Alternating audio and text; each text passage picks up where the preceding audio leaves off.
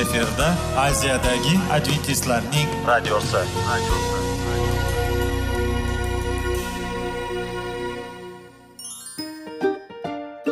assalomu alaykum aziz radio tinglovchilar. Sog'liq daqiqasi rubrikasiga xush kelibsiz. Zero tananing sog'lom bo'lishi va uning kasalliklardan saqlash har bir insonning burchi hisoblanadi.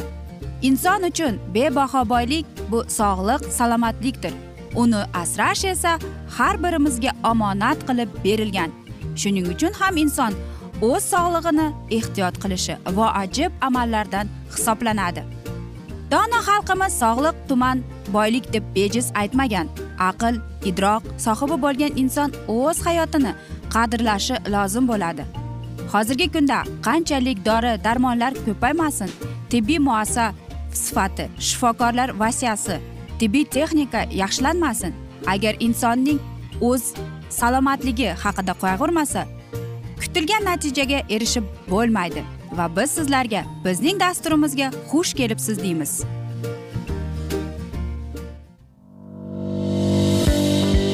Sog'liq daqiqasi soliqning kaliti qiziqarli ma'lumotlar faktlar. Har kuni siz uchun foydali maslahatlar. Sog'liq daqiqasi rubrikasi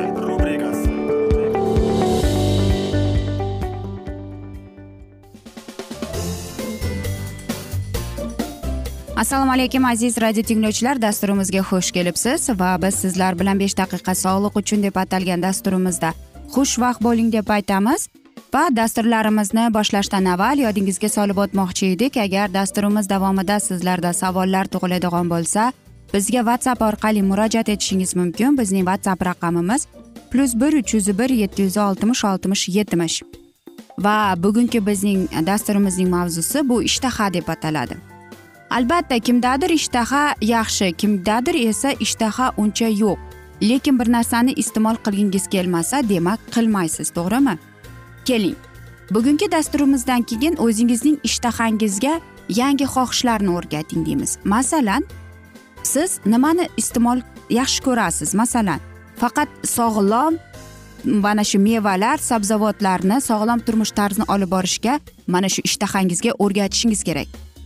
Ikkinchidan siz o'zingizning ishtahangizni boshqarishingiz kerak. Mayli aytaylikki birozgina kamtar bo'lsin sizning ovqatingiz lekin sog'lom bo'lsin. Bunda siz o'zingizning sog'lig'ingizga zarar keltirmaysiz. Albatta u ham bunisi ham bu disiplinaga to'g'ri keladi lekin siz shunday qilib o'zingizga o'zingizning ishtahalaringizga e, yangi usullarni o'rgatasiz. Va eng yaxshisi bu deydi aytaylikki ishtahani boshqarish ko'p muammolarni oldini oladi. Masalan aytaylikki ortiqcha vazn degan kasalliklarni mana shunday e, muammolardan oldini olgan bo'lasiz. Va albatta bu bolalarda ham bo'ladi. Yoki aytaylikki ishtahani boshqarish ko'plab e, saraton kasalliklarini oldini olishga yordam beradi. Bu albatta biz noto'g'ri ovqatlansak saraton kasalining har xili duch kelib qolishimiz mumkin. Va qarangki aytaylikki ichkilik ichmaslikning ham mana shunday odatlar bo'ladi. Chunki hammamiz bilamizki agar ichkilikni biz iste'mol qilsak u bizga fiziologik psixologik va sotsial tomonlama e, mana shunday muammolarni keltirib chiqaradi. Aytaylikki kimdir aytadiki men go'shtni xush ko'raman deydi. Albatta balkim shundaydir. Lekin bu narsa bilasizmi nasldan naslga o'tishini bilarmidingiz? Ha aziz do'stlar. Aynan mana shu narsa birinchi o'rinda psixologlar va parhezshunoslar ham shuni aytadiki birinchi o'rinda insonning miyasida mana shunday o'zgarishlar paydo bo'ladi deydi. U shu narsani xohlash kerak deydi. Chunki aynan deydi ishtahaga deyapti biz o'zimizdagi bo'lgan xohishlarni deyapti. Aytadigan bo'lsak bu sog'liqqa sog'lom bo'lishning yo'li deb aytashar ekan. Masalan biz o'zimizda sog'lom turmush tarzini tarbiya qilayotgan bo'lsak qarangki u bizdagi bo'lgan iroda kuchimizni kuchaytirar ekan. Ikkinchidan bizdagi bo'lgan xulq atrofimizdagi bo'lgan o'zgarishlar ham bo'lar ekan. Ikkinchidan bizning sog'lig'imizni yaxshilaydi ekan. Va ko'plab kasalliklarni deyapti oldini olishga yordam beradi deydi. Xo'sh qanday deymiz? Birinchi o'rinda biz ko'p narsalarni bilishimiz kerak. Agar biz sog'lom turmush tarzini e, yangitdan o'zimizning ishtahamizga qandaydir bir odatlarni o'rgatayotgan bo'lsak biz o'z shuni o'ylashimiz kerakki emotsional holatda bu foydali bu bizning sog'lig'imizga e, foyda keltiradi mening tanamga foyda keltiradi deb o'rgatishimiz kerak ekan. Masalan birinchi ertalab turganingizdan keyin men e, masalan siz qaysidir bir meva yoki sog'lom turmush tarzi haqida ko'proq ma'lumot e, bilmoqchisiz. Va shunda siz o'ylashingiz kerak ekan. Men ko'p narsalarni o'qidim. Aynan mana shu salatni men har kuni iste'mol qilsam bu foydali deb.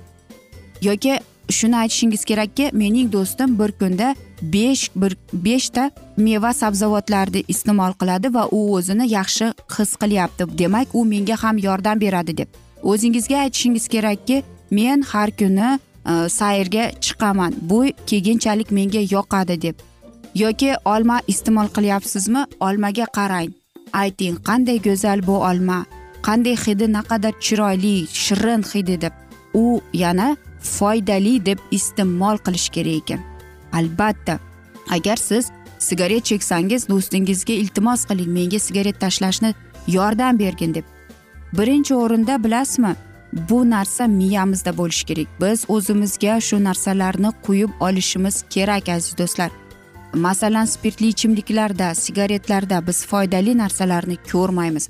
Faqatgina o'zimizning sog'lig'imizga yangi odatlarni xohishlarni keltirayotganimizni e, bilib kelamiz. Shuning uchun ham o'ylaymanki har bir inson agar siz bizning dasturimizdan keyin sog'lom turmush tarzini olib bormoqchi bo'lsangiz unda siz o'ylaymanki mana shu dasturimizdan keyin o'ylanib qolasiz. Chunki bilasizmi olimlar aytadiki men oz yesam o'zimni yaxshi his qilaman degan mana shunday ibora bor deydi. Agar inson har kuni ovqatdan avval ovqat yeyotganda ham xayolida mana shu fikrni yurgizsa demak u mana shu narsadan xalos bo'ladi va oxir oqibat inson deydi o'ziga psixologik tomondan oz ovqat iste'mol qilib ko'plab kasalliklardan o'zini xalos qiladi deydi. O'zini qutqarib qoladi. O'zining tanasiga qanchalik foyda keltiradi deydi olimlar. Shuning uchun dasturxonga o'tirdingizmi? Men oz ovqat yeyman lekin o'zimni yaxshi his qilaman deb o'tirishingiz kerak.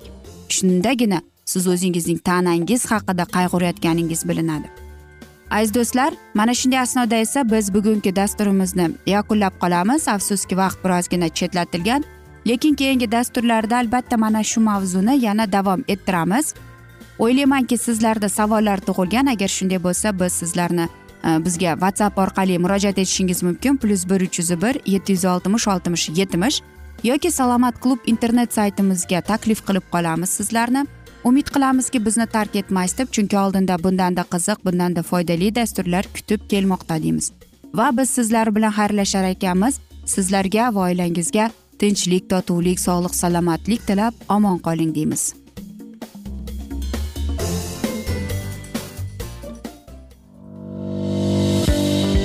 Sog'liq daqiqasi soliqning kaliti qiziqarli ma'lumotlar faktlar. Har kuni siz uchun foydali maslahatlar. Sog'liq daqiqasi rubrikasi.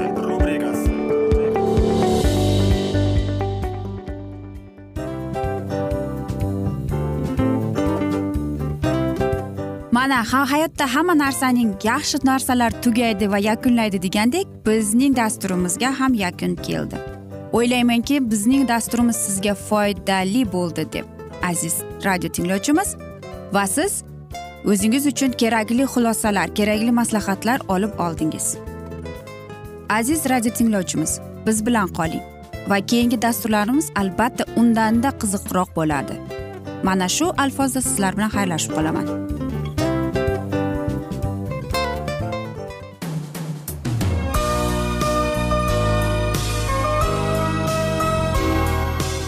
Efirda aziyadagi adventistlarning radiosi. radiosi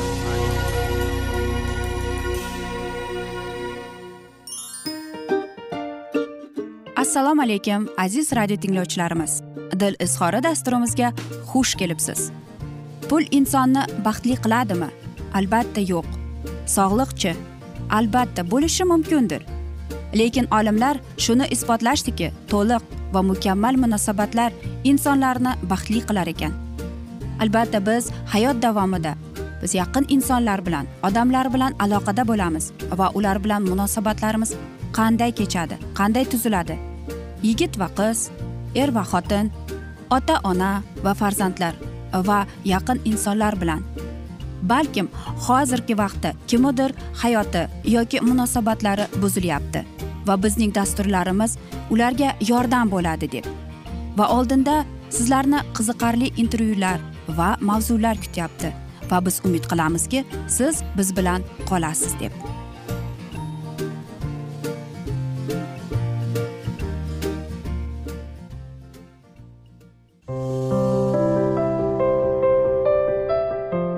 Kuni har xil kasbdagi odamlar bilan sirlashish va bo'lishish sevgi rashq munosabat bularni hammasi dil izhori rubrikasida.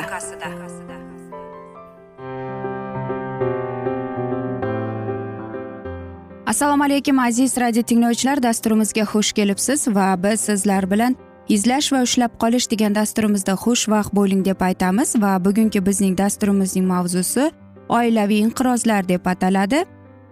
Oilaviy qiyinchiliklarni keltirib chiqaruvchi muhim sabablarni o'rgangan bir oilaviy psixolog shunday deydi quyidagi ko'rinish ichida bo'lgan ekan.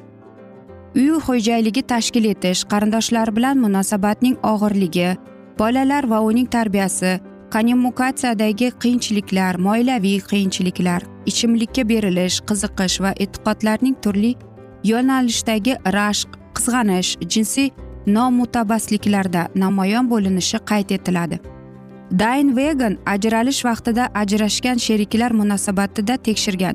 Ma'lum bo'lishicha ko'p hollarda jismoniy ajralishdan oldin er xotinlar ijtimoiy jihatdan boshqa boshqa bo'lib qoladilar deyiladi. Vagon tadqiqotlariga ko'ra ajralish dastlabki paytlarda oldindan o'ylab qilinmaydi. Bir individ vagon aytmasiga ko'ra tashabbuskor boshqasiga qaraganda mavjud munosabatlardan kam qoniqadi va nikohdan mustaqil hududni yaratadi. Shunda vaqt keladiki urinishlarning chippakka chiqqanligi munosabatlarning uzil kesil buzilganligini tashabbuskor tushunadi va shu vaqtdan boshlab erkak yoki ayol sherigi bilan har qanday munosabatlarni inkor etish hukmida bo'ladi. Vagenning taxminicha bu erining munosabatlar boshidagi mavjud nuqsonlarini hisobga olmay xotinining ko'zga tashlanganidan jihatlarini bo'rttiradigan sevgisiga qarama qarshi holatdir. Muammolarni chuqur o'ylab ko'rib ba'zilar ilgarigi munosabatlarni qayta tiklashga urinadilar. Qat'iy ajrashuvchilar uchun mulohaza va muhokama o'z hukmining to'g'riligiga ishonch yaratadi va ajralishni tezlashtiradi. Ajralmoqchi bo'lganlar o'z turmush tarzi va dunyoqarashlarida jiddiy o'zgarishlarni boshidan kechiradi. Bol boynen ajralishni amalga oshiruvchi o'zaro oltita bosqichni belgilaydi. Bularning hammasi qiyinchiliklar va tortishuvlar tug'diradi. Ajrashganlarga ularning bolalariga qarindoshlariga va tanishlariga ta'sir qiladi. Birinchisi janjal ajralish bu shunday bunda sheriklar o'rtasidagi sovuq munosabatlar keskin oshib odatda nikohning buzilishiga olib keladi. Ikkinchisi ochiq ajralish bunda nikohni bekor qilish uchun zarur asoslar mavjud bo'ladi. Uchinchi iqtisodiy sababli ajralish mol mulkining bo'linishi bilan bog'liq bo'lgan ajralishlar to'rtinchisi bu ota onalar ajralishi bolalarga vasiylik qilish va ulardan xabar olib turish huquqi bilan bog'liq ajralish hisoblanadi. Beshinchisi kommunikativ ajralganlarning do'stona va boshqa ijtimoiy aloqalarning o'zgarishi. Oltinchisi bu ruhiy ajralish individ hissiy bog'langilikni uzil kesil uzadi va mustaqil hayot zaruriyatini sezadi. Qarangki amerika qo'shma shtatlarida robert veys tomonidan ajralgan erkaklar va ayollar bilan o'tkazilgan suhbatlar shuni ko'rsatadiki xotinlar ajralishdan erkaklarga qaraganda ko'proq iqtisodiy zarar ko'radilar. Ammo psixologik ya'ni ruhiy va ijtimoiy ko'nikish jarayoni har ikki jinsda o'xshash holatda kechadi deydi. Veys qarab chiqqan ko'pchilik holatda sheriklik bir biriga nisbatan hurmati va muhabbati juftlarning ajralishiga qadar yo'qoladi. Ular o'rniga dushmanlik va ishonchsizlik paydo bo'ladi deydi. Ajralish holatlarining salbiy oqibatlari bolalar uchun nihoyatda og'ir kechadi deydi. Tadqiqotlarning ko'rsatishicha ota onalar ajralgandan so'ng ko'p hollarda bolalar ancha ma'yus bo'lib qolganlar deydi. So'rov o'tkazilgan bir yuz bitta bolaning qayrib hammasi ajralish vaqtida o'tkir emotsional holatda bo'lganlar deydi. Maktabgacha yoshdagi bolalar ba'zan yuz bergan voqeada o'zini o'zlariga olib hijolat va vahimada bo'lganlar. Katta yoshdagilar esa ota onalarning niyatlarini yaxshiroq tushunsalarda ajralish oqibatlari va o'zlarining kelajaklari uchun chuqur xavotirlanishadi. Ularda ko'pincha o'tkir g'azablanish tuyg'usini yuzaga keltirib chiqaradi deydi. Baxtli nikohdagi sheriklarni tavsiflovchi sifatida mana shunday bor ekan. Birinchi bu emotsional barqarorlik. Ikkinchi o'zga kishilar bilan kelisha olishlik. Uchinchisi bu xushmuomalilik to'rtinchisi ochiqlik ishonch emotsional muhtojlik. Yon beruvchilik kiradi. Baxtsiz nikohni deydi tavsiflovchi sifatlar. Emotsional barqarorlik nevrotizm ikkinchisi o'zga kishilarga tanqidiy munosabat. To'rtinchisi hukmronlikka intilish. Berkinliktunlik shubhalanuvchilik emotsional berkiklikdir deydi. Yuqoridagi deydi muallifning izohlashicha deydi. Nikohdan qoniqarli belgilovchilar ikkita asosni o'lcham mezmonni bor ekan. Ushbu ikkala o'zaro aloqadorlikni ko'rsatkichlar deyapti. Emotsional soha va ijtimoiy muhitga yo'liqqanga bog'liqdir deydi. Mulokomatlik oilada yuqori darajadagi o'zaro tushunish er xotinning jinsiy qoniqqanligi emotsional qo'llab quvvatlashning mavjud va ishonchi uyni oiladagi hamjihatlikni belgilovchi maskan deb qarash deydi. Va qarangki er xotin hamjihatligi to'g'risidagi qiziqarli bir konsepsiya bor. Bu degani nevrotik oilalarga oid ma'lumotlarga tayanadi. Uning qarashlariga ko'ra er xotin o'rtasidagi mutanosiblik uchun chuqur ahamiyat kasb etuvchi shaxs xislatlariga qaraganda shunchaki yuzaki fazilatlar muhimdir deydi. Ikkinchi darajadagi shaxs sifatlari situativ xulq atrofda namoyon bo'ladi. Ular er xotin juftligining yaxlit to'zilma sifatida mos kelishidagi vazifalarni e, muvofiqlashtiradi deydi. Aziz do'stlar biz esa mana shunday asnoda bugungi dasturimizni yakunlab qolamiz chunki vaqt birozgina chetlatilgan. Lekin keyingi dasturlarda albatta mana shu mavzuni yana o'qib eshittiramiz. Umid qilamizki bizni tark etmaysiz deb chunki oldinda bundanda qiziq va foydali dasturlar kutib kelmoqda sizlarni deymiz. Va albatta biz sizlar bilan xayrlashar ekanmiz. Sizlarga oilangizga tinchlik totuvlik sog'lik salomatlik tilab seving seviling deb xayrlashib qolamiz.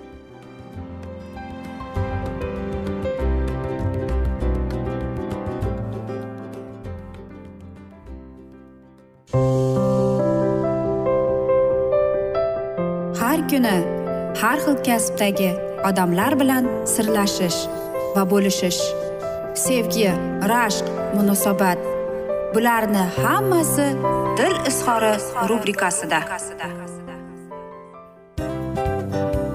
Mana aziz radio tinglovchimiz bizning go'zal va foydali va chiroyli dasturimiz yakunlanib bormoqda. Sizlarga birozgina maslahat berib o'tmoqchi edik. Bir biringizni seving. Qadringizga yeting.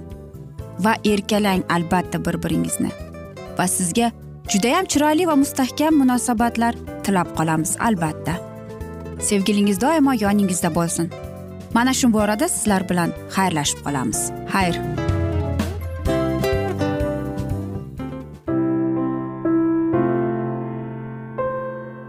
Hayotning noni. Qiziqtirgan savollar va javoblar. Buning hammasi ko'ngil uchun oziqa rubrikasida.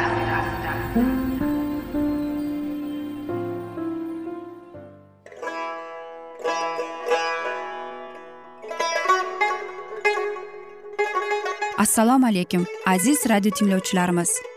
Ko'ngil uchun oziqa rubrikasida xush kelibsiz deymiz. Siz haqiqatni izlayapsizmi? Olamnimi? Umidnimi siz kimga murojaat qilmoqchisiz? Odamlar ko'pincha siyosat kuchiga tayanadilar. Dunyo iqtisodiyoti holati tobora chuqurlashib bormoqda.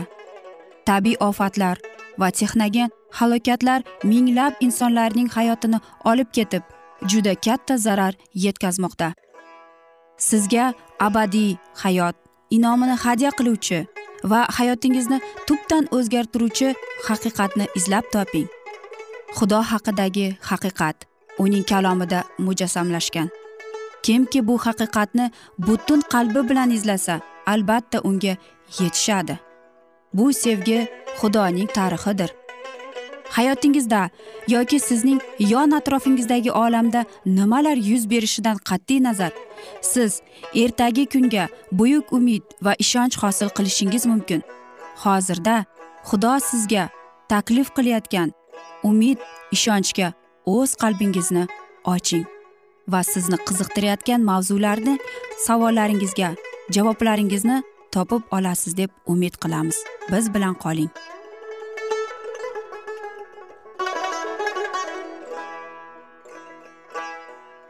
Assalomu alaykum aziz radio tinglovchilar dasturimizga xush kelibsiz va biz sizlar bilan ulug' otalar va payg'ambarlar deb nomlangan dasturimizda xushvaqt bo'ling deb aytamiz.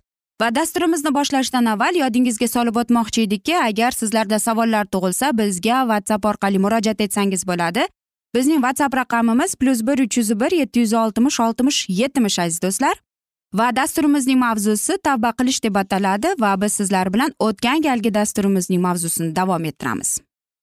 Ilohiy ulug'vorlikning birgina nuri masih soddaligining birgina nurchasi jonimizga kirib har bir harom dog'ini azobli ko'rinadigan qilib bizning kamchiliklarimizni va inson tabiatining ma'naviy jihatdan buzuqligini ochib ko'rsatadi. U bizning xohishlarimizning muqaddassizligini bildirib yuragimizning gunohkorligini va dilimizning haromligini ayon etadi. Gunohkorning hayotida butun vayron qiladigan ishlari ilohiy qonunni harakatsiz qilgani uning nazariga ochiladi va uning ruhi olloh ruhining sinovi orqali mag'lub bo'ladi va u qayg'uga tushadi. Masihning sodda va benuqson tabiatiga qarab u o'zidan nafratlana boshlaydi. Doniyor payg'ambar unga yuborilgan samoviy xabardorning atrofdagi ulug'vorligini ko'rganida u o'zining kuchsizligi va kamolsizligi tufayli juda afsuslanadi. Shu ajoyib voqeaning ta'sirini bayon etib u shunday deydi.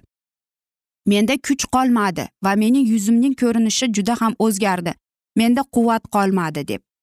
Shunday ta'sir qilib aytadiki qolgan joni o'zining nafslaridan nafratlanib masih e, solihligi e, orqali sof yurak bo'lishiga intiladi va natijada ilohiy qonuni va masihning tabiati bilan ko'nikadi. Havoriy pavel qonun talab qilgan tashqi ishlarda asoslanganida hatto u begunoh edim deydi. Qonunning ruhiy tabiatini tushunganida u o'z gunohkorligini ko'rdi. Qonun harfning nuqtai nazaridan odamlar tashqi hayotlarida uni ishlatganday pavel o'z o'zini gunohidan tiyib olar edi. Lekin muqaddas ahdlarni chuqurroq sinchiqlaganda u o'zini alloh nazarida bo'lganidek ko'rdi va kamtarlikda tiz cho'kib o'zining aybini iqror qildi. U shunday dedi bir vaqtlar men o'zim ilohiy qonunlardan tashqarida bo'lib yashar edim ammo ongimda amr tug'ilgach gunoh tirildi. Men esa o'ldim. U qonunning ruhi tabiatini tushunganida gunoh shunchalik nafratli unga ko'rindiki shu zahoti unda o'zi to'g'risidagi baland shaxsiy fikrining izi ham qolmadi. Alloh barcha gunohlarni birday katta deb sanamaydi. Uning e, belgilashida xuddi odamlarda singari aybdorlikning har turli yoqlari bor lekin shumi boshqami noto'g'ri harakat odamlarning ko'zida naqadar kichik va bilinmas ko'rinmasin allohning ko'zlarida hech qanday gunoh kichkina bo'lib ko'rinmaydi. Odamning fikr yuritishi yuz xotirchilikka ega va kamolotsizdir. Lekin tangri taolo har narsaga to'g'ri baho beradi. Ichadigan odamdan hamma nafratlanadi. Unga sening gunohkorliging samoviy podshohlikka yo'l yopadi deyishadi. Lekin ayni zamonda farqlanish shaxsiyatparastlik va xasislik ko'pincha fosh qilinmaydi. Ammo bu gunohkorlar allohning nazarida juda ham nafratlanadi chunki ular samoviy otamizning iltifotli tabiatiga qarshidir. Hamda hamma ular gunoh bilmagan va negizida o'zidan kechadigan muhabbatda yashaydigan dunyokorlarga qarshidir. Shunday bo'ladiki qo'pol gunohlarning biriga duchor bo'lgan odam uyatga qolganini arzimasligini va masihning inoyatida muhtojligini seza olishi mumkin. Lekin faxrlanish hech qachon va hech narsada muhtoj bo'lmaydi. Va shu sababli o'z qalbini masih uchun va uning cheksiz inoyatlari oldida yopadi.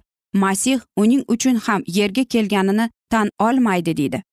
Bechora soliqchi ibodatida yo tangrim men gunohkorga sharahim qilgin deganida o'zini juda yomon kishi deb sanar ekan va boshqa odamlar ham shunday fikrda edilar.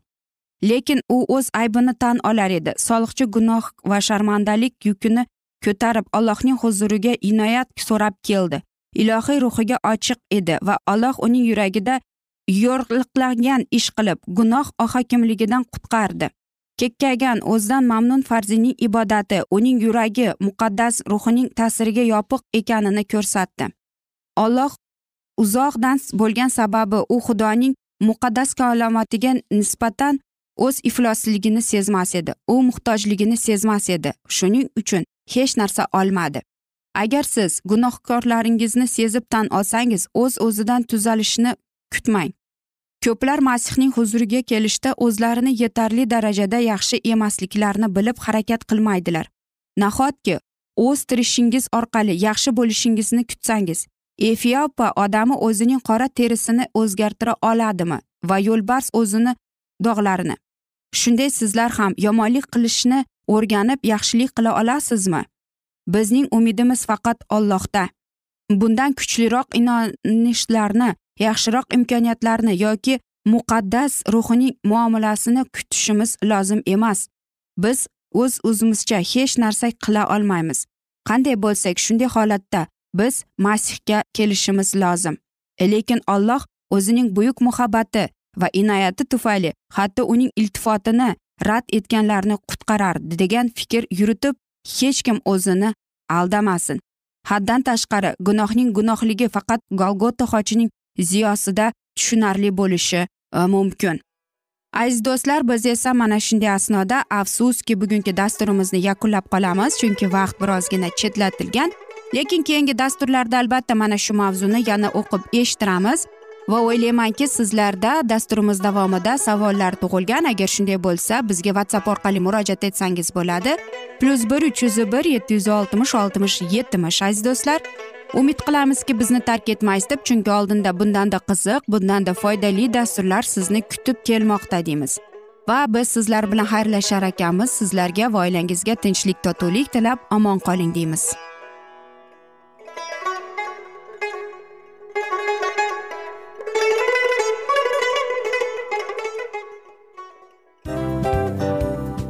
Narsaning yakuni bo'ladi degandek afsuski bizning ham dasturlarimiz yakunlanib qolyapti. Va biz o'ylaymizki bizning dasturimizdan o'zingiz uchun kerakli va foydali maslahatlar olib oldingiz.